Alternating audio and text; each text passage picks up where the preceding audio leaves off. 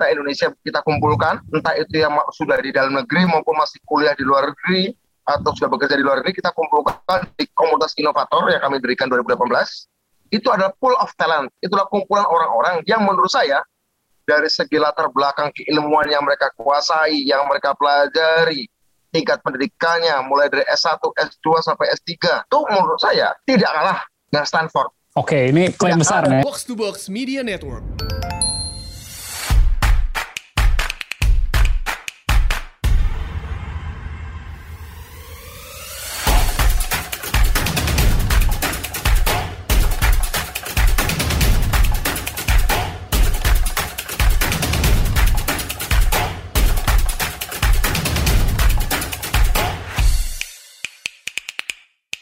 Selamat datang di Asumsi Bersuara. Kali ini kita akan bahas satu isu yang lagi hangat banget nih uh, tentang wacana pengembangan Silicon Valley-nya Indonesia katanya. Disebut Bukit Algoritma. Langsung dengan penggagasnya sendiri yang hari ini uh, mau hadir lagi di sini. Selamat datang kembali di Asumsi Bersuara, Mas Budiman Sujatmiko. Halo Ray, selamat berjumpa kembali. Sudah lama nggak bertemu, ya. ketemu lagi di uh, webinar ini ya. Nah, yes, kita kita sebelumnya udah pernah ngundang Mas Bud juga. Mungkin kalau uh, teman-teman yang ikutin asumsi bersuara, kira-kira ya, satu setengah tahun yang satu nah. tahun satu setengah tahun yang lalu ya kita ya, waktu bahas itu. soal inovator ya Mas. Waktu itu ya. uh, Mas Bud baru aja uh, ngedirikan uh, inovator 4.0 ya. Dan kalau kalau nggak salah minggu lalu atau bulan lalu juga Mas Bud baru diundang Pangeran ya di Asumsi juga uh, Pangeran oh, Mingguan. Sekitar satu ya. bulan? Ya, satu, satu bulan. Satu ya. bulan ya. Bulan. Waktu itu waktu itu Mas Bud baru jadi komod PTPN. ya, dia baru sih barusan diangkat jadi komisaris kemudian diskusi ya ada tanya pertanyaan-pertanyaan dari dia juga.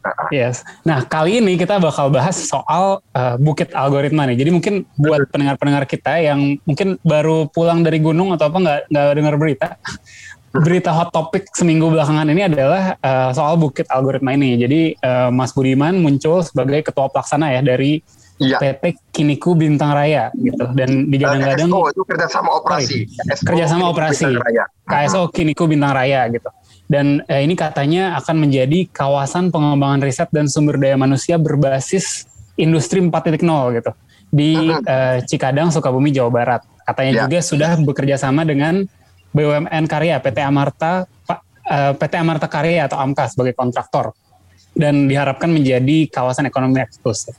Mas Budiman, pertama-tama ya. nih mungkin uh, ya. saya mau saya punya beribu pertanyaan lah sebenarnya soal uh, Bukit Algoritma ini Silicon Valley Indonesia. Tapi mungkin pertama-tama nih apa sih Bukit Algoritma ini dan kenapa gitu? So what's ada apa nih gitu tiba-tiba uh, tiba-tiba membangun Bukit Algoritma ini apa di belakangnya nih? Dari kata bukit, bukit itu adalah sebuah wilayah, sebuah bentang alam yang agak tinggi di atas di atas rata-rata. Hmm. Di atas rata-rata, di atas uh, bentang alam yang plain, yang rata-rata, yang datar.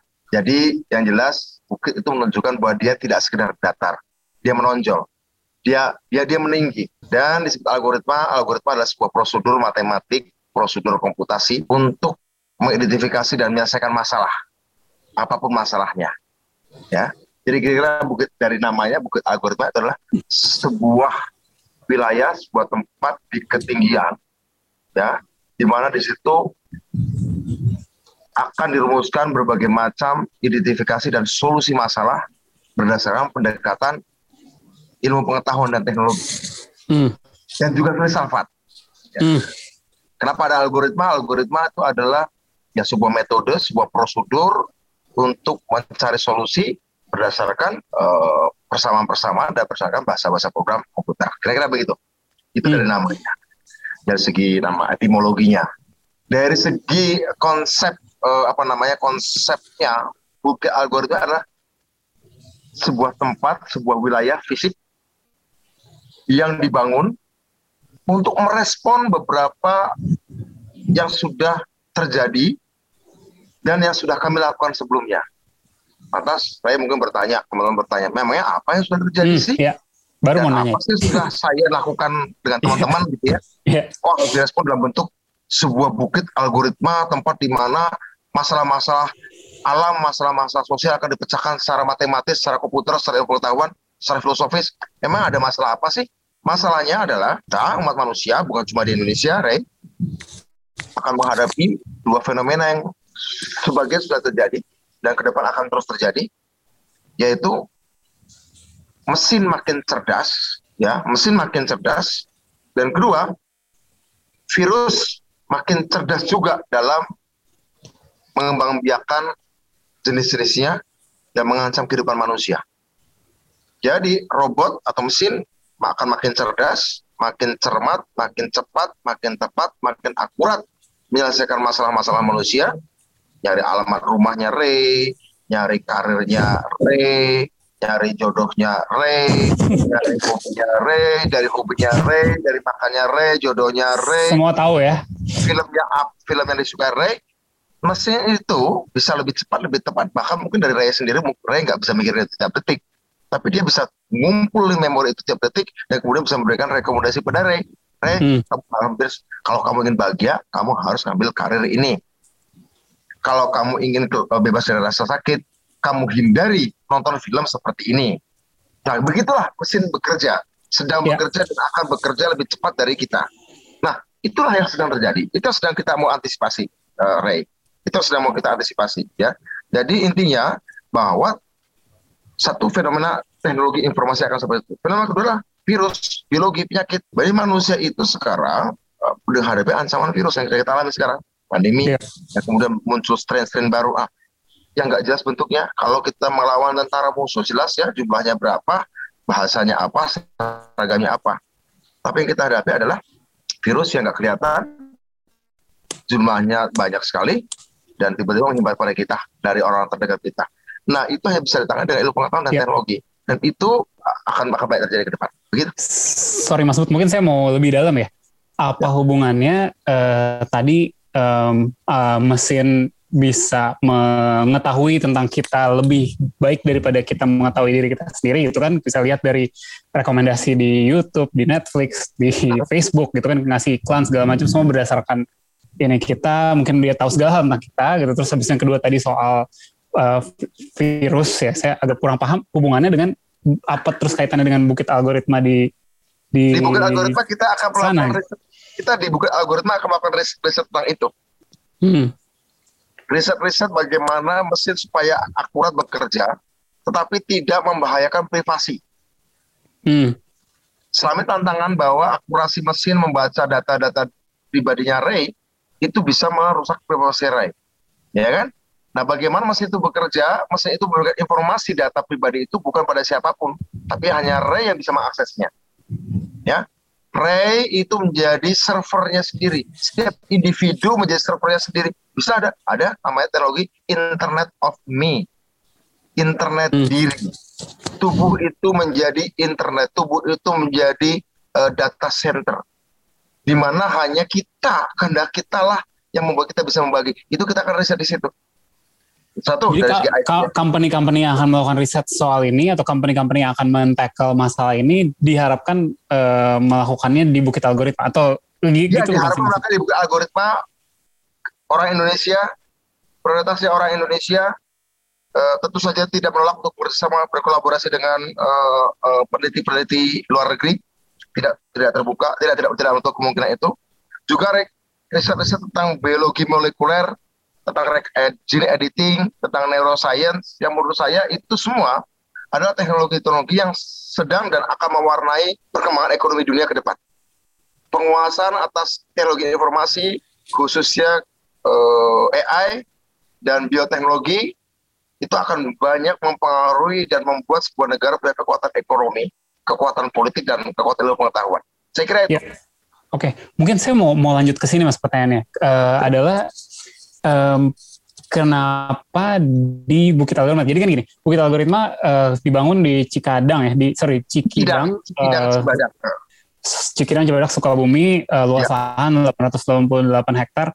Ini ada satu pertanyaan besar gitu kan kalau kita kalau dirujuknya uh, Silicon Valley di Amerika itu kan sangat berkelindan dengan Universitas Stanford kan, di mana di situ yeah. ada ada penelitiannya, uh, pekerjaannya mungkin dari situ um, dan industrinya akhirnya revolve around uh, Stanford University gitu.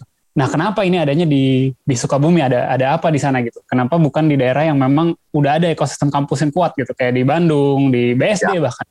um, okay. di Depok gitu atau apa apakah karena tanahnya memang ada di sana gitu kan orang bertanya-tanya kemarin ya pertama hmm. untuk suatu hasil suatu produk itu ada baik pintu ada baik hmm. titik keberangkatan hmm. tapi kalau kita harus mengcover semua faktor semua unsur mengajak semua unsur ya industri perguruan tinggi komunitas lahan talenta atau sumber daya manusia iya semua ada ya hmm. tapi dari mana dia mulai itu bisa beragam tergantung hmm. dari kondisi demografis kondisi masyarakat masing-masing oke okay. mungkin kalau di Silicon Valley Amerika kita mulai dari kampus hmm. kalau kita mulainya pertama-tama dari komunitas sumber daya manusia inovator tempat di mana talenta-talenta Indonesia kita kumpulkan, entah itu yang sudah di dalam negeri maupun masih kuliah di luar negeri atau sudah bekerja di luar negeri, kita kumpulkan di komunitas inovator yang kami dirikan 2018. Itu adalah pool of talent, itulah kumpulan orang-orang yang menurut saya dari segi latar belakang keilmuan yang mereka kuasai, yang mereka pelajari, tingkat pendidikannya mulai dari S1, S2 sampai S3, itu menurut saya tidak kalah dengan Stanford Oke, ini klaim besar nih. Ya, satu, jadi pintu okay. kita, pintu kita hmm. adalah pool of talent. Apakah pool of talent itu dalam bentuk satu bentuk universitas? Tidak. Di era teknologi informasi hari ini, mereka bisa ketumpukan dalam sebuah platform, dalam sebuah kumpulan, dan kita berinteraksi, berkolaborasi. Satu. Kedua, ada tanah 888 hektar yang memang diniatkan sejak awal untuk menjadi kawasan ekonomi riset teknologi berbasis hmm. teknologi dan sudah didukung oleh Pemda Jawa Barat, Pemda Sukabumi, sudah diajukan di Dewan Nasional KEK, hmm. bahkan hmm. menjawab pertanyaan soal pool of talent tadi, ini sudah MOU dengan tiga perguruan tinggi di Jawa Barat. Hmm. Dengan IPB diserahi tanah untuk mengelola 25 hektar.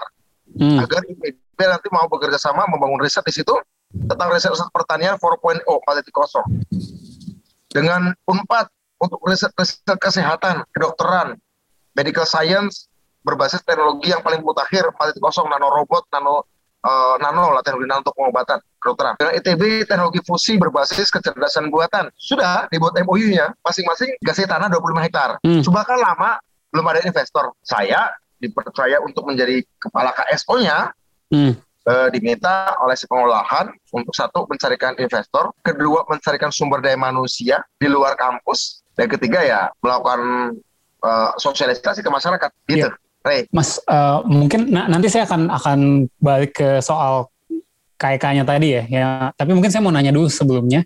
Uh, kemarin juga Mas Bud kan banyak banget orang mempertanyakan, oh ini pemer me me mengira bahwa ini proyek pemerintah gitu kan. Um, dan kemarin Mas Bud baru juga bilang bahwa ini bukan proyek pemerintah, ini proyek swasta, pendanaannya murni swasta gitu. Terus kan lalu kita bertanya-tanya lagi, lalu siapa sebenarnya pihak swastanya ini gitu? 18 triliun ya bukan uang kecil kan. Siapa siapa di belakangnya gitu Ya, pertama, um, pasti ini bukan APBN ya. Silahkan cek nanti ke teman-teman di hmm. DPR komisi entah komisi 10 berkaitan dengan riset atau komisi 1 hmm. atau komisi um, investasi ya atau komisi 11. Hmm. Perbankan nggak ada ya program ini di APBN ya. Kementerian ya. nggak ada. Nah, tentang swasta uh, ini kami terikat profesionalisme NDA hmm. non disclosure agreement. Nggak bisa bilang. Itu okay. nggak bisa di, di disclose, nggak bisa dibuka. Ya, itu itu kan itu, itu ada apa namanya uh, etis dan hukum juga punya konsekuensi hukum ya. Ya, yeah. di yang saya bisa ceritakan adalah dari negara Amerika di Amerika Utara, dari Asia, dari Timur Tengah dan dari Eropa, gitu. I see. Kalau yeah. Saya jadi tertarik juga ini kan KSO-nya ini kan antara uh, pet, antara PT Kiniku dengan PT Bintang Raya Lokal Lestari ya, Mas? Antara PT Bintang Raya Lokal Lestari yang menguasai lahan Hmm. Oh, ini lahannya PT Bintang Raya.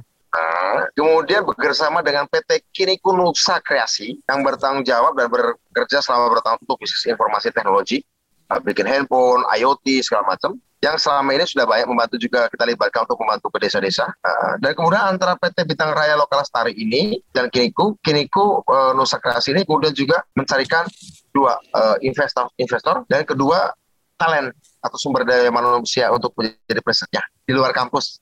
Yeah. Itu tugas Kiniku, mencari uang dan mencari sumber daya manusia. Yeah. Ya, sama sosialisasi. Kemudian Bintang Raya Lokasari dengan PT Kiniku Nusa Kreasi bikin KSO. Oke. Okay. Sama operasi Kiniku Bintang Raya. I see. Jadi PT Bintang Raya dia yang punya lahan 898 hektar kerjasama dengan PT-nya Mas Bud buat mencari investor, buat uh, membuat. Ya mencari investor kami. yang yeah. mencari investor kami. Ah, ah, Oke. Okay. Ah. Saya mau balik ke poin yang tadi Mas Bud sebut kan di awal-awal bahwa kan ya udah udah udah apply ke Pemda juga ke pemerintah mungkin untuk mendapatkan status kawasan ekonomi khusus ya di di sini gitu. Jadi Dan, mereka. Ya, nah um, ini banyak nih yang yang mem, mempertanyakan gitu kan. Karena dengan dengan status eko, uh, kawasan ekonomi khusus artinya ada banyak kewajiban pemerintah gitu kan. Walaupun tadi Mas sebut sebut ini proyek entirely swasta tapi dengan status KK kan ada macam-macam nih. Ada insentif pajak jangan-jangan pemerintah harus bikin jalan bikin infrastruktur bikin airport bandar uh, pelabuhan segala macam gitu kan. Uh, ini pengen tahu sih sebenarnya yang diharapkan kontribusi pemerintah tuh seperti apa gitu seberapa banyak nih uh, kontribusi negara untuk untuk nah, ya. Oh iya, kalau, untuk uh, kalau infrastruktur uh, itu memang tol jalan tol kan sudah lama. Hmm. Dari jalan Pak Harto mau dibangun tapi nggak jadi-jadi kan? Yeah. Baru di era Pak Jokowi kan jadi jalan tol hmm. Gitu kan? Iya, yeah, iya. Yeah. Allah nih ruas keduanya Agustus selesai. Jadi udah lama, cuma yeah. Ya. saja. Juga bandara Cikembar dekat Sukabumi itu kan juga proyek lama. Yeah. Ya, pelabuhan pengumpan di Pelabuhan Ratu juga sudah proyek lama. Eh, jauh sebelum ini, sebelum itu terjadi sebenarnya sudah ada lama ya, sudah ada terjadi. Satu itu. Kedua, KEK memang ada sesuatu yang memang dimungkinkan dalam undang-undang kita, di peraturan kita dimungkinkan untuk memakai KEK sejauh dan selama ya, sejauh dan selama dia eh, karena ini statusnya yang kita ajukan adalah inovasi, berarti memang harus menghasilkan banyak menghasilkan inovasi-inovasi. Produk-produk yang nanti ada di eh, bukit algoritma, kalau dia hanya sedang subsidiari dari produk global yang enggak. Hmm.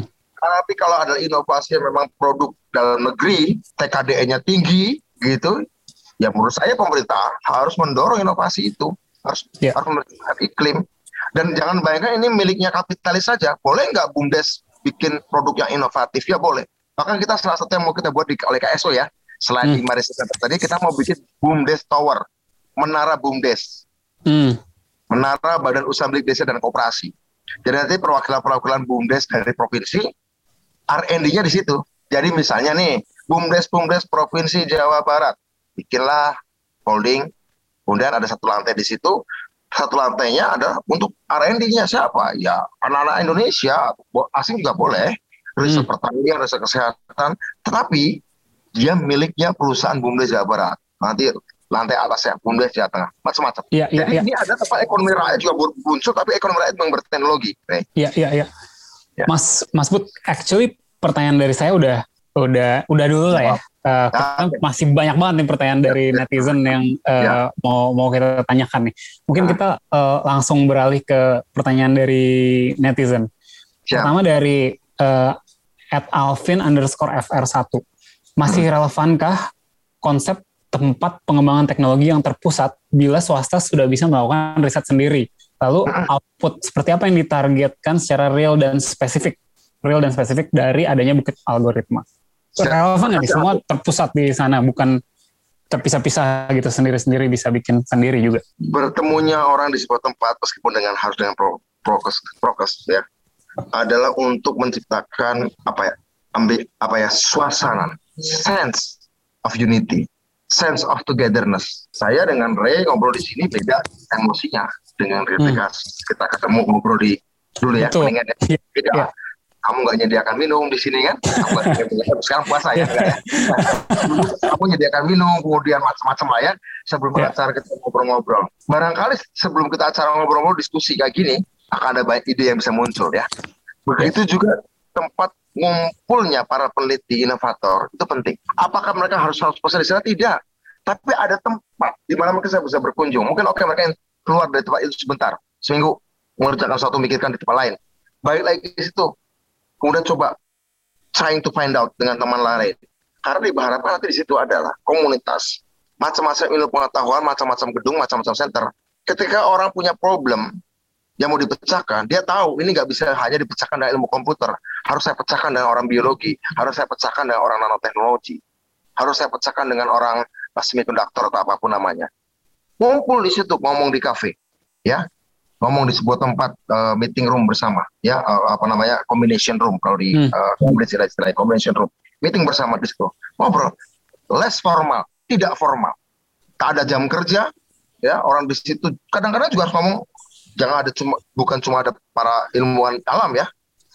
Dengan filosof di situ bisa ngobrol. Dengan antropolog gimana secara etik kalau aku mendapati temuan kayak gini dan kemudian aku harus keluarkan solusi seperti ini. Ngobrol dengan filosof di situ silakan. Udah apa yang bisa dikerjakan bersama?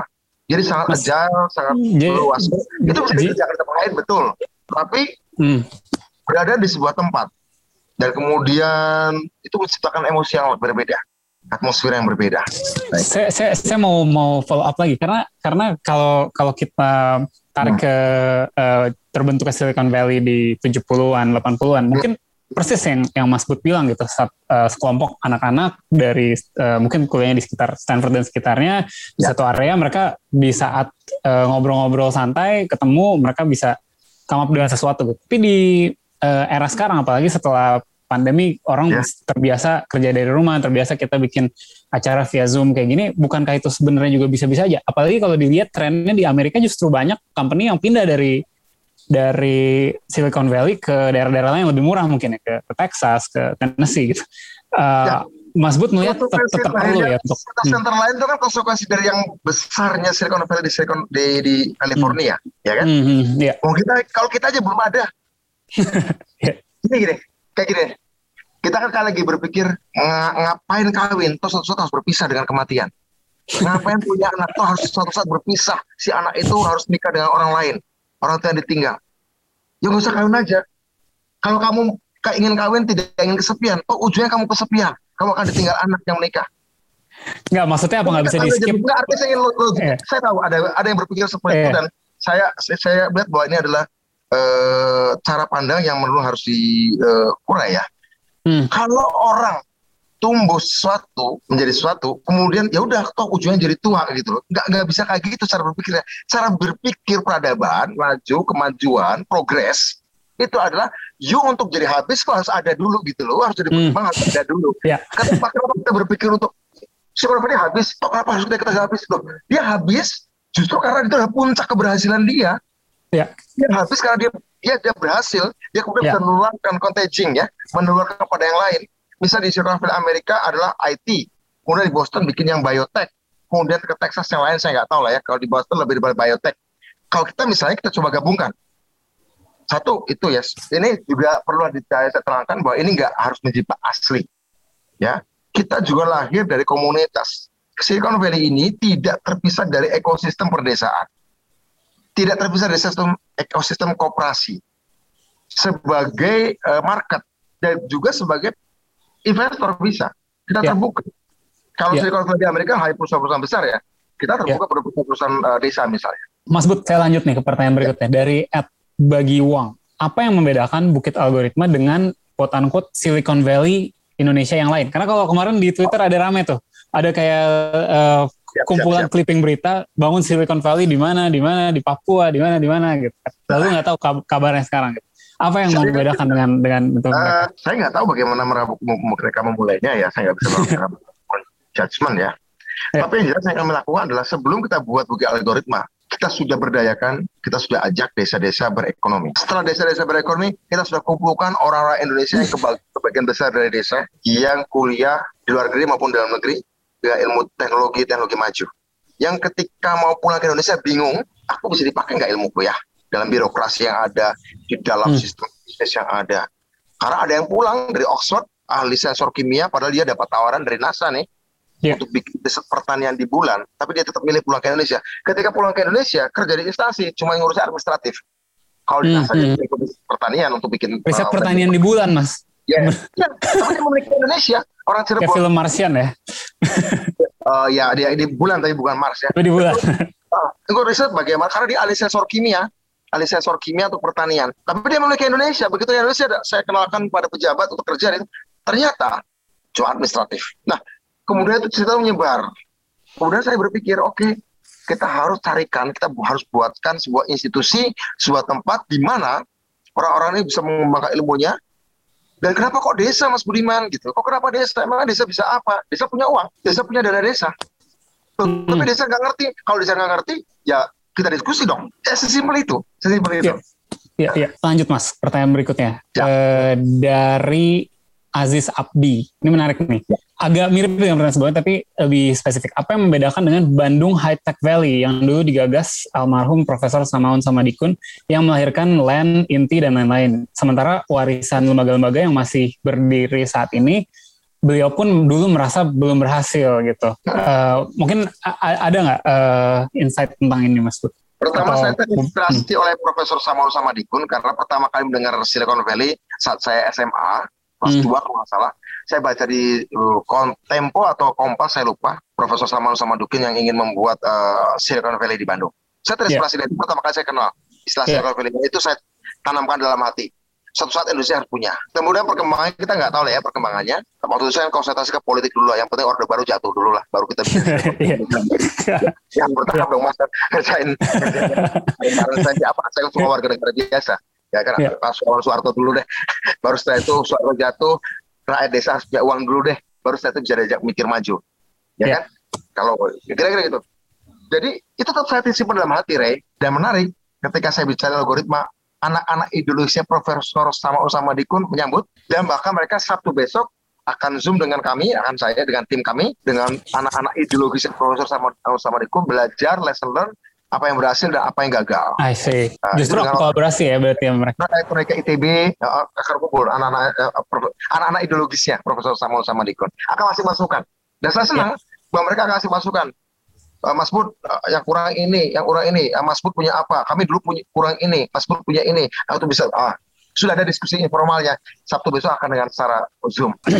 Mas Bud ini kayaknya berkaitan ya, tadi kan Mas bilang oh uh, Soeharto harus jatuh dulu, desa harus punya uang dulu. Ini ada dari Ed Amutaco. Terlalu jauh nggak sih kalau kita mengangan-angan uh, memiliki seperti apa yang dimiliki AS, sementara untuk di sini listrik dan internet saja masih belum merata. Nah, ini apakah harusnya ada satu step lagi nih? pemerataan listrik dan internet dulu. Gitu. Karena itu sudah dilakukan dengan ada undang-undang desa. iya. Udah. Artinya saya tidak mungkin mungkin Silicon Valley atau Albuquerque algoritma ini ketika Soeharto masih berkuasa. Saya tidak mungkin dengan teman-teman mendesak ada bukit algoritma ini sebelum ada undang-undang desa, sebelum orang desa punya uang. Tidak mungkin. Iya. Tidak mungkin. Jadi kalau ketika pertanyaannya masih ada yang ini, masih ada yang itu, itu kan sudah ada finansialnya bahwa masih ada yang mengalami, iya.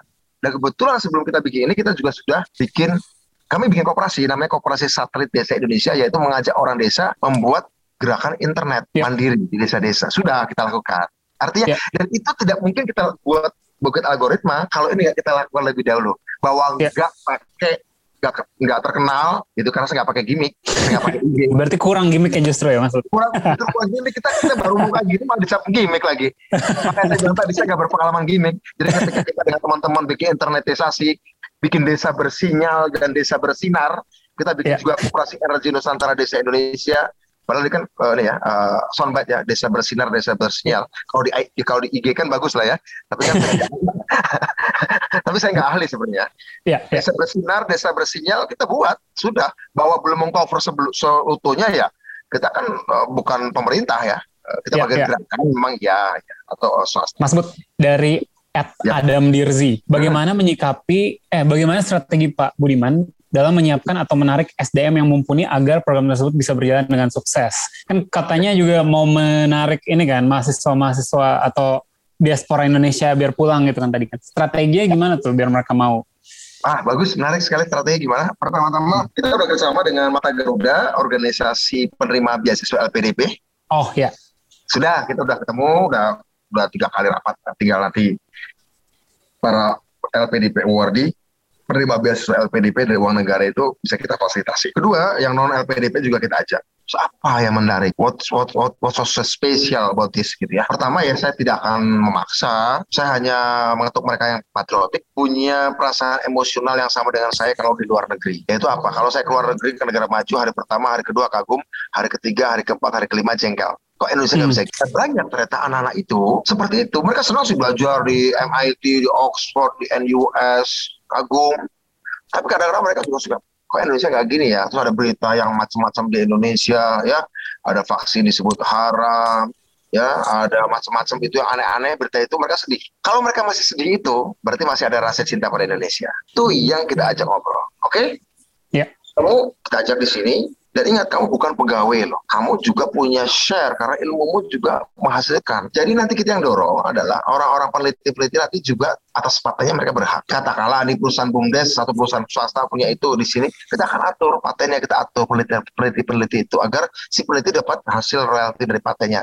Seperti dilakukan Pak Jokowi kemarin terhadap penyanyi dan pengarang lagu. Ya, ya, ya. Hal yang sama juga. Jadi kita bahwa si pemilik, si inventornya, si inovatornya itu yang berhak atas patennya. Soal bagi-bagi perusahaan yang kita atur. Iya. Mas, dari Alvar.a, Bang Budiman, apakah sudah ada perusahaan teknologi yang merencanakan bakal bertempat di Bukit Algoritmana nih? Ada nggak nih yang, yang udah mau ada. Uh, masuk sudah nih? Dan... ada satu perusahaan joint venture BUMN dengan swasta untuk energi terbarukan.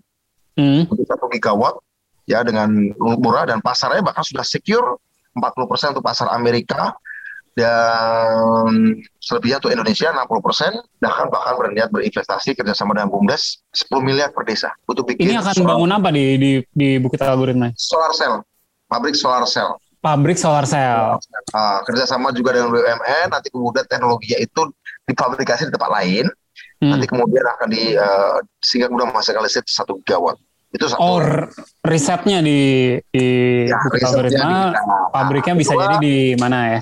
Kedua, industrialis kesehatan Indonesia.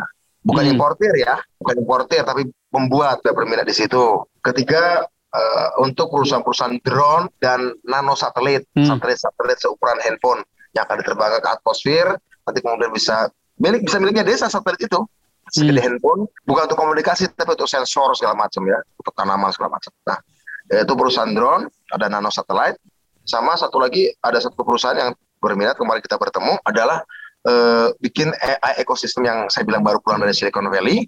Uh, dia baru pulang dari Silicon Valley akan buat ekosistem dan juga perusahaan financing bagi mereka-mereka yang mau melakukan inovasi. Ya, hmm. mulai inkubasi, akselerasinya, kemudian hall untuk robot-robot, entertainment segala macam seperti itu. Dan juga ada pelatihan untuk guru-guru digital. Jadi bagaimana hmm. guru-guru di desa-desa, di kampung-kampung itu harus sudah bisa menguasai skillful menggunakan teknologi digital yang paling baru. Jadi kita hmm. akan uh, buat gerakan dari sini.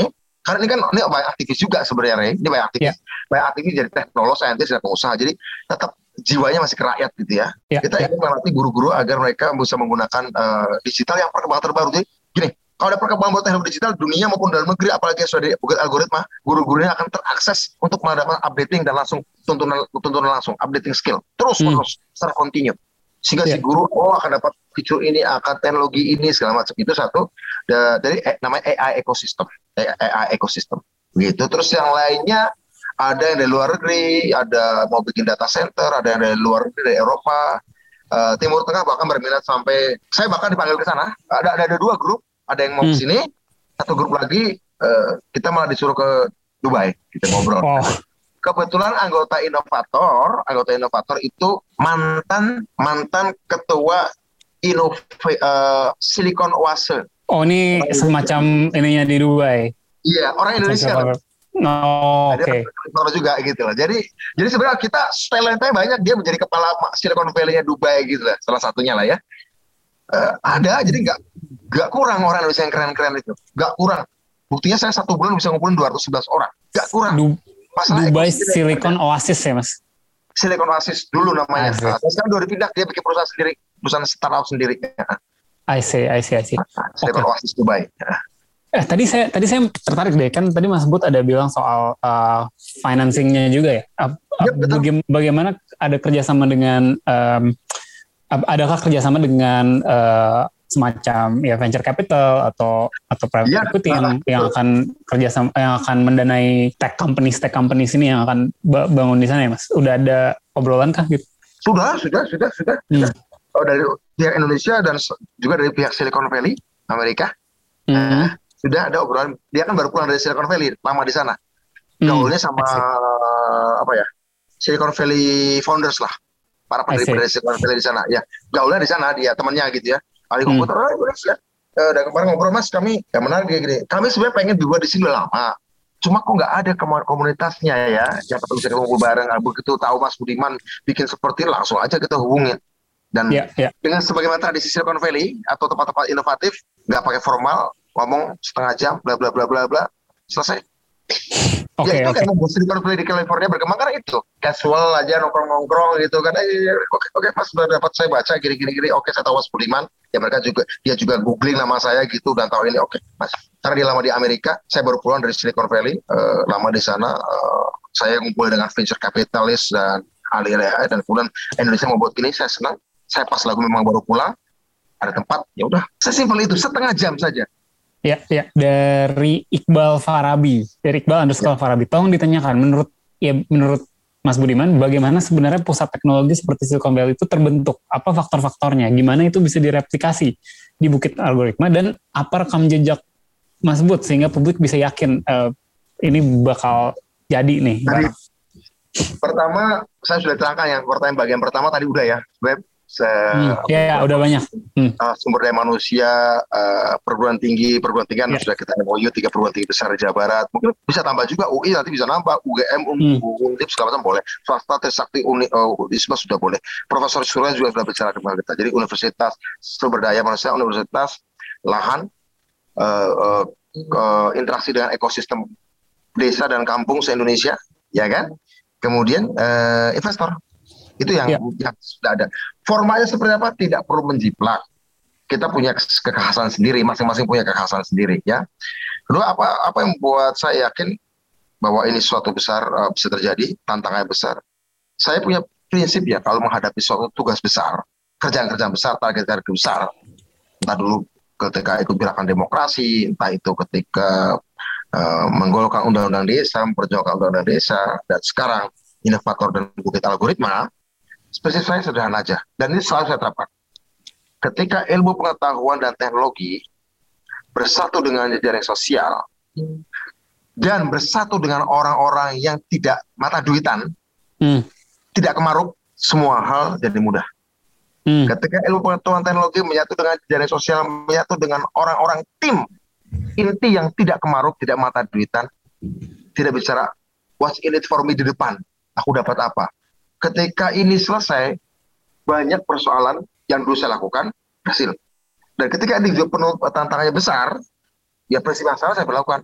Saya teknologi di sosial dan orang-orang yang tidak mata duita. Selesai. Ya, Mas Bud dari Arizalji. Hmm. Pak, ap, ini mungkin terkait dengan ini ya, dengan status KK tadi kan pasti ada insentif dari pemerintah segala macam apa jaminan Anda proyek ini terbebas dari KKM? banyak banget yang suzon sebenarnya kan. Uh, wah ini pro, uh, proyek gitu kan dengar kata proyek. Ya, jadi ya, memang proyek. ya, jaminannya Budiman Sudamiko lah. Gimana ya, maksudnya? Saya, gini, artinya secara personal saya katakan tadi suatu kerjaan besar, baik kerjaan besar selama ini selalu saya katakan usulnya tiga. Sains teknologi, desain sosial dan bukan orang mata duitan. Hmm. Itu selalu saya jadikan tim inti saya. Yeah. Baik ketika saya ngelawan Orde Baru, baik ketika saya di DPR membangun undang desa.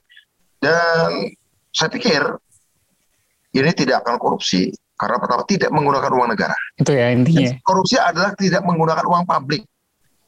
Ini uang swasta yang sudah dipercayakan untuk kami kelola, ya, untuk kami kelola karena percaya pada visi kami, percaya pada bisnis kami, percaya pada mission kami. Bahwa itu ternyata dihargai segitu, ya bagi saya bersyukur, bagi kami bersyukur. Gini, eh, bisnis di era inovasi ini, di era revolusi 4.0 terutama tapi sebenarnya sebelumnya juga, tapi sekarang ini cuma kita adalah bagaimana visi misi, mission statementmu, statementmu, business planmu itu menggambarkan bagaimana dari visi itu betul-betul bisa sampai menghasilkan sesuatu. Ya, profit dan value. Value dan profit.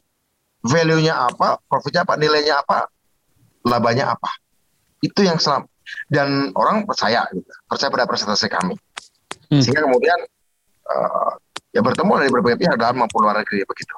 Jadi uh, itu tidak memakai uang negara, tidak memakai uang pajak, tidak memakai uang publik, sehingga kemudian uh, tidak ada korupsi. Jika ada kesalahan, itu adalah kerugian bisnis biasa. Ya paling saya bangkrut atau pilot, gitu ya. Orang nggak percaya ya. saya secara bisnis, bisa saja. Ya udah Tapi, gitu ya. Bukan ya, ya korupsi. Ya. Bukan korupsi. Istilahnya ya, ya. bangkrut atau temannya bangkrut. ya, ya gitu aja. Kira-kira gitu. Mas, mungkin Jadi satu lagi. Ya Satu lagi Mas, uh, dari ya. Chandra W. Bagaimana tanggapan Mas Budiman mengenai kualitas SDM di Indonesia, kualitas lulusan gitu ya?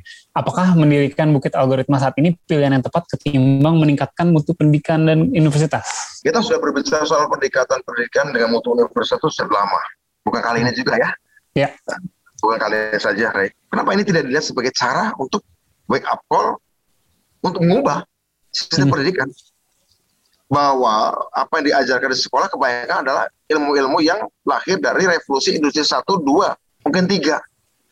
Tapi revolusi industri keempat melahirkan inovasi-inovasi dan temuan-temuan baru hampir tiap minggu. Dan kita buat di Indonesia, dan kita melahirkan dan merasa penemuan-penemuan baru tiap minggu, nanti akan membuat, mendorong, dan memaksa dunia pendidikan untuk berubah hmm. bahwa ternyata pendidikan itu bukan sekedar menjejalkan pengetahuan-pengetahuan dalam jumlah banyak, bukan. Karena kalau itu caranya, ke depan kamu akan kewalahan karena tiap minggu akan ada pengetahuan baru. Atau yeah. mungkin tiap hari ada pengetahuan baru. Jadi pendidikan adalah bukan bukan menjejalkan ilmu dalam jumlah banyak karena orang banyak tahu itu nggak keren hari ini. Pendidikan adalah tentang cara membentuk cara berpikir. Pendidikan bukan mengisi isi pikiran, tapi pikiran adalah tentang membentuk cara berpikir kalau cara berpikirnya udah terbentuk bagus, critical, analytical, mathematical, komputasional gitu kira-kira ya, ya. Kalau cara berpikir udah bagus, kamu mau isi ilmu apa pun, enak dicerna, dan kamu pindah kerjaan apa pun, cepat beradaptasi, beradaptasinya. Jadi yang ya. kita butuhkan bukan spesialis, tapi generalis, yaitu orang yang punya keterampilan untuk dipindah-pindahkan jenis pekerjaan. Karena bagi dia, apa pun jenis pekerjaannya, tetap sama. Ini pendidikan kayak gitu. Ya. Kalau ini hanya kita omongkan, nggak berubah-ubah tuh. Ya. Akan dianggap terlalu maju lah, dianggap terlalu ini. Tapi kalau kita contohkan, oke okay, ini ada tempatnya, perkembangan teknologi kayak gini, teknologi informasi kayak gini, nanoteknologi gini, biologi kayak gini, komputer kuantum kayak gini, masih mau ngajarin kurikulum seperti itu, itu. Nah, ya, ya. Mungkin kalau saya kalau saya nangkep dari uh, kemarin juga ada ada obrolan di sosmed yang yang mirip dengan topik ini uh, ke arah ini ya. Uh, banyak yang bilang kenapa kita uh, invest heavy di di pendidikan ber, yang ya, untuk te teknologi gitu. Mungkin harapannya kita bisa bikin kayak Bangalore gitu ya.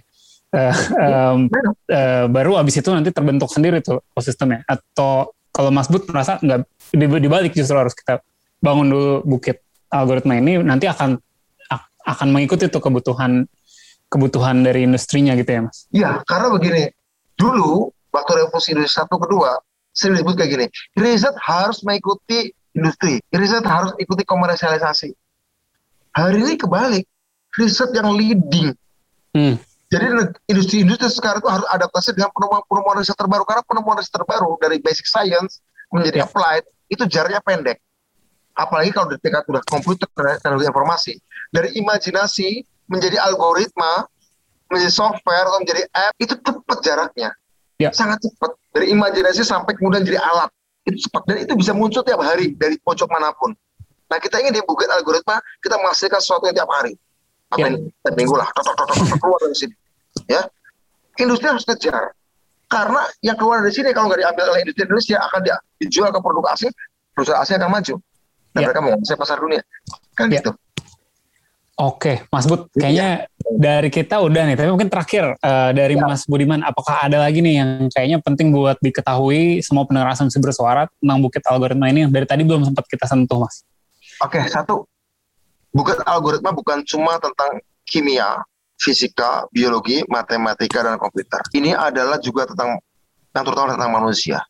Sehingga di sana kita akan mengajak para filosof, sejarawan, dan antropolog, terutama, dan psikolog barangkali ya, hmm. untuk bersama-sama ngobrol. Antropolog ngobrol dengan seorang ahli biologi, Al, uh, kemudian filosof ngobrol dengan seorang ahli AI, kecerdasan buatan. Ya, macam-macam harus ngobrol bareng. Dan ketika ada temuan, ada imajinasi dan sesuatu, dikonsultasikan dengan mereka agar bagaimana secara etika, apakah produk ini layak? Ya. Oke sebagai sains, riset boleh, tapi apakah perlu diterjemahkan menjadi teknologi? Nah, itu harus diomongin dengan para filosof, diomongin dengan para antropolog, yang budayawan ya salah satunya. Jadi ini bukan tentang orang-orang nerd, tapi juga di situ ada community leaders, pemimpin-pemimpin masyarakat, kepala desa, ketua organisasi sering main di sana. Oke, Apa dampaknya bagi buruh, apa dampaknya bagi petani, apa dampaknya bagi nelayan, apa dampaknya bagi pemuda, apa dampaknya bagi perempuan, apa dampaknya bagi pendidik, apa dampaknya bagi tenaga kesehatan. Kita akan ajak mereka organisasi-organisasi kesehatan, organisasi buruh, organisasi pendidik, organisasi insinyur, ngobrol di situ dan kita definisikan bagaimana menjadi Indonesia yang relevan di era new normal. Oke, okay. Mas Budiman, thank you banget nih uh, ya. udah mau hadir lagi di Asumsi Bersuara, ya, me ya, menjelaskan dengan dengan dalam lah ya sebenarnya bukit algoritma ini apa gitu banyak orang masih permukaan sebenarnya. oh masih permukaan sebenarnya. Oke, nanti ya, mungkin ada jilid berikutnya kita lebih ya. dalam lagi. Mas ya. Bud, thank you banget ya. Uh, Sama-sama. Yes. Untuk pendengar Asumsi Bersuara seperti biasa jangan lupa follow Asumsiko, follow Box to Box ID, follow Budiman Jatmiko ya di Twitter. Ah, uh, Budiman Jatmiko. Budiman Instagram udah udah ada. Uh, Instagram saya Mas Bud underscore Sujatmiko. Mas Bud underscore Sujatmiko di follow juga. Uh, okay. Sampai Siap, jumpa hari. Thank you banget Mas Bud. Thank you bye banget. Sampai, sampai jumpa. Ya. Oke, okay, ya. Thank you Mas Bud. Sampai jumpa Selasa berikutnya. Ciao.